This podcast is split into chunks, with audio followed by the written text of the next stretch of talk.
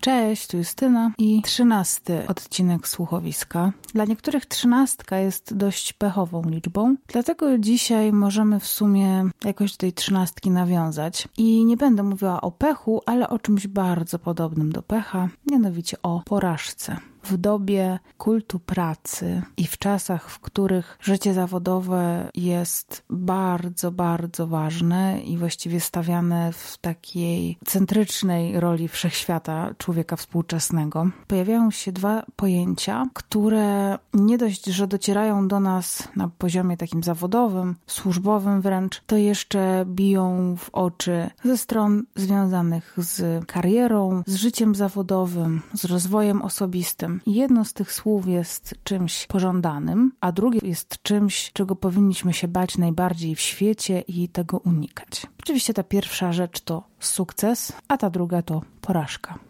O sukcesie w głównej mierze mówi się przez pryzmat czegoś y, niesamowicie dobrego, pozytywnego, czegoś po czym właściwie są napisy końcowe i wszyscy żyli długo i szczęśliwie. Mało mówi się o tym, że sukces bywa bardzo trudny do udźwignięcia i jest y, często powodem do bardzo poważnych problemów, na przykład w życiu psychicznym. Zaraz powiem dlaczego. A z kolei porażkę niesamowicie się demonizuje. Dlaczego uważam, że sukces może być destrukcyjny? Weźmy jakąś hipotetyczną osobę zajmującą się muzyką, która w bardzo szybkim tempie robi zawrotną karierę, staje się sławna i rozpoznawalna na cały świat. Wielki, wielki sukces niezaprzeczalnie ma miejsce. No i ta osoba oczywiście może teraz dużo, dużo więcej niż mogła wcześniej. Na przykład pod kątem finansowym. Może sobie pozwolić właściwie na wszystko, czego dusza zapragnie. Może sobie pozwolić na dostęp do wielu, wielu więcej miejsc, do których do tej pory nie miała dostępu. Może skorzystać skorzystać z o wielu więcej szans niż mogłaby skorzystać, będąc dość anonimową osobą.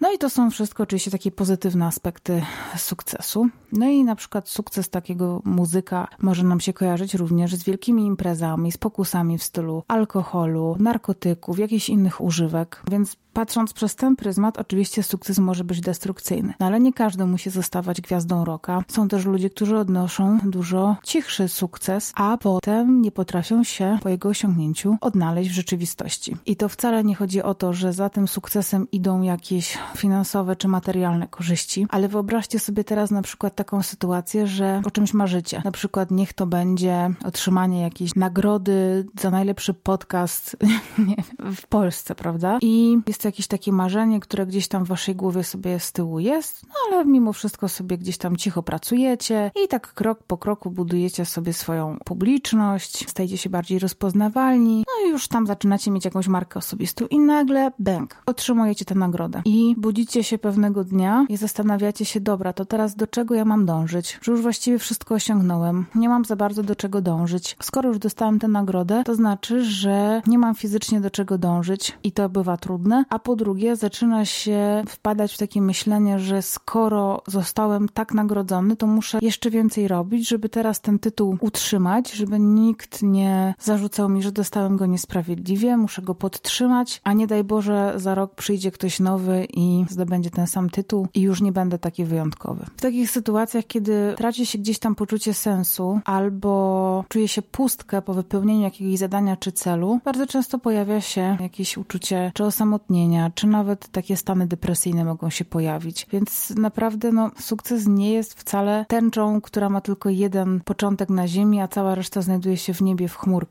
tylko ta tęcza opada bardzo często na drugi kawałek ziemi. I uniesienie takiego sukcesu na barkach bywa bardzo trudne. I tak sobie myślę, że często jest tak, że nawet trudno jest, odnosząc sukces, dokładnie wiedzieć, co się takiego stało, że został on odniesiony. Nie wiem, czy rozumiecie, co powiedziałam właśnie, bo to zdanie było dość zagmatwane. Chodzi mi o to, że w przypadku porażki, która jest powiedzmy odwrotnością sukcesu, zazwyczaj możemy się dowiedzieć, co zrobiliśmy nie tak, że ponieśliśmy porażkę. W sukcesie często bywa tak, że składa się na niego bardzo wiele czynników i czasami decydują takie, o których nie mamy za bardzo pojęcia, albo które nawet nie do końca od nas zależą. Albo jest to na przykład czyjś gust, albo jest to czyjaś antypatia względem drugiej osoby, która była naszym na przykład największym konkurentem, albo jest to jeszcze, jeszcze coś innego. I też bardzo często kiedy ktoś odnosi sukces, to już jakby nikt do końca nie wnika dobrze, ale co się takiego stało, że właśnie tak się stało, że dzisiaj jesteś człowiekiem sukcesu. W ogóle moje ukochane sformułowanie, człowiek sukcesu. A w porażce jest tak, że ona bardzo często powoduje, że zastanawiamy się nad tym, co zrobiliśmy po drodze nie tak, co doprowadziło nas do powiedzmy jakiejś tam klęski czy niepowodzenia. I to jest właśnie niesamowita siła porażki, że dostajemy poniekąd jakiś instruktaż do tego, czego następnym razem nie robić, żeby było lepiej. I jedyną ceną, jaką musimy za taki instruktaż zapłacić, jest nasze o, gorsze samopoczucie przez jakiś czas, może jakieś inne pomniejsze straty. No chociaż oczywiście zależy od tego, na jakim polu odnosimy porażkę, bo oczywiście można zainwestować 3 miliony złotych sprzedawszy wszystkie swoje posiadłości w Konstancinie, chociaż to pewnie by było na pół posiadłości w Konstancinie, no ale można wtopić pieniądze pieniądze i tych pieniędzy nam nikt już nie odda. I to też może być porażka, która dużo kogoś kosztuje, no ale jakby rozumiecie, co chcę chyba przekazać, że nie należy porażki traktować jako czegoś tak ostatecznego jak sukces, bo życie wbrew temu, co śpiewał Myslowic, nie jest filmem i nikt nas nie zaprasza na seans naszego własnego życia, który w pewnym momencie się zaczyna, a potem się kończy i są jakieś napisy, a potem to po prostu już właściwie zostajemy z jakąś taką zamkniętą historią. Nie, życie cały czas płynie, jest procesem, więc musimy też sobie zdać sprawę z tego, zarówno przy sukcesie, jak i przy porażce, że sukces jest nagrodą za pewien etap tego życia, za pewien jego wycinek. I tak samo porażka jest czymś, co jest chwilowe, czymś, co odnosi się do konkretnego aspektu naszego życia i nie przekłada się na całą gamę innych sfer, w tym i taką osobistą, przez którą będziemy się zadręczać i obwiniać i tracić poczucie własnej wartości i je stale zaniżać. Myślę, że w idealnej sytuacji porażka powinna być po prostu drogowskazem. Uważam, że też ważne jest to, żeby zbudować w sobie coś w stylu takiego sztabu zarządzania porażką, który by nam pozwolił pomóc sobie samym, kiedy no coś nam się w życiu nie udaje. I na mojej liście znajduje się kilka takich plasterków, które pomagają. Pierwszy to jest taki, że włączam sobie radio. Być może ci, którzy czytali bloga, natrafili kiedyś na taki tekst, w którym mówiłam, jak kiedyś polskie radio, program pierwszy uratował mi życie, bo miałam taki bardzo ciemny okres w swoim życiu jako nastolatka i tak rozważałam, troszkę dramatycznie oczywiście, czy w ogóle warto żyć i pamiętam, pamiętam, że byłam kiedyś w takim apogeum załamania i puściłam sobie do zasypiania radio. Pierwszy program polskiego radia. Ja nie słuchałam tej stacji, ale moja mama w ciągu dnia musiała coś robić w moim pokoju i ona wtedy sobie właśnie włączała tę stację. A ja chciałam posłuchać swojej muzyki jakiejś i przez przypadek włączyło mi się to radio. Akurat trafiłam na jakąś audycję, nie pamiętam zupełnie o czym, ale siedziało sobie w studiu parę osób, to była 23.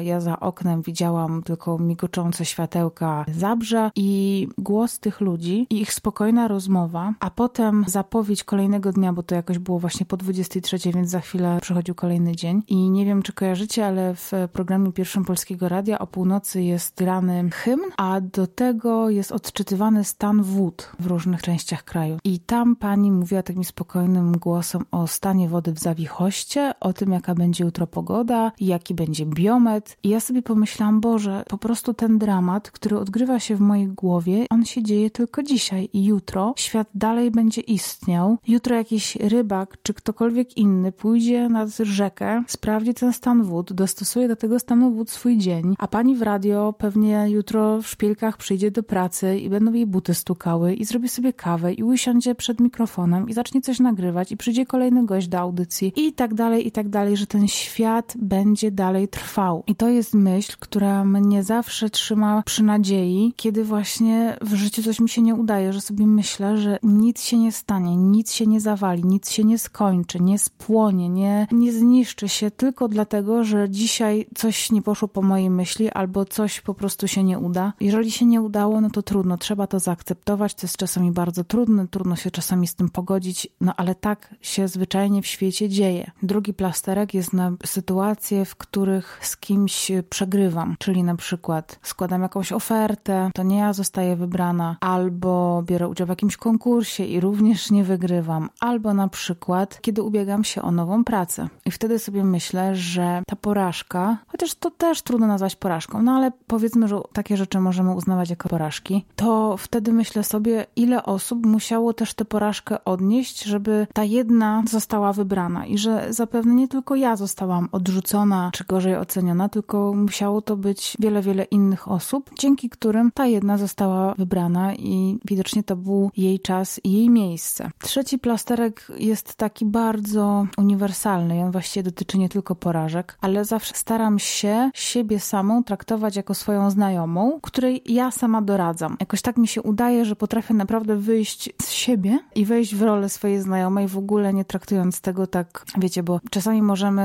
takie podwójne standardy stosować wobec samych siebie, że okej, okay, ty na pewno dasz radę biegać codziennie, no ale wiesz, no ja po prostu nie lubię, ale ty po prostu włóż buty i wyjdź na zewnątrz, to nie jest wcale trudne pobiegać pół godziny dziennie, no ale wiesz, ja po prostu nie lubię biegać, także mi to nie dotyczy, ale ciebie tak. Więc udaje mi się sobie doradzać w taki sposób i traktować siebie jako swojego ukochanego przyjaciela, albo nawet, no, tak jakbym miała radzić jakiemuś dziecku, które bardzo kocham. O, to jest też ciekawe, że wtedy też człowiek może nawet tak trochę współczująco do siebie podejść. Jeżeli ma do siebie żal i jest na siebie zły, to może sobie wtedy wiele, wiele wybaczyć, jeżeli się potraktuje tak ciepło i po ludzku. Wydaje mi się też, że nie powinniśmy się ogólnie traktować zbyt surowo, bo gdybym na przykład traktowała siebie surowo, to pewnie bym przestała nagrywać te podcasty prędzej czy później, bo zaczęłabym się na przykład porównywać z innymi i wtedy bym uznała, że ilość subskrybentów to za mało, że chciałabym mieć więcej, że nigdy nie odniosę sukcesu, a być może nie zawsze musimy swoje działania tak kierunkować, żeby na końcu tych działań stał sukces. Czasami nie ten cel jest celem, tylko droga sama w sobie i czynność, którą się wykonuje i frajdę, którą to przynosi w trakcie robienia. Więc też być może nie trzeba świata postrzegać właśnie tylko przez pryzmat sukcesu albo porażki, albo tak, albo nie, albo czarne, albo białe. Przecież w życiu jest mnóstwo innych kolorów nie tylko są to odcienie szarości. No i takie moje przemyślenie na dzisiaj o porażce w trzynastym odcinku Słuchowiska. Co wy o tym sądzicie? Jak wy traktujecie porażki? Czy kiedyś na przykład sukces was przerósł, albo co dobrego wynieśliście z porażek? Dajcie znać i do usłyszenia. Pa pa!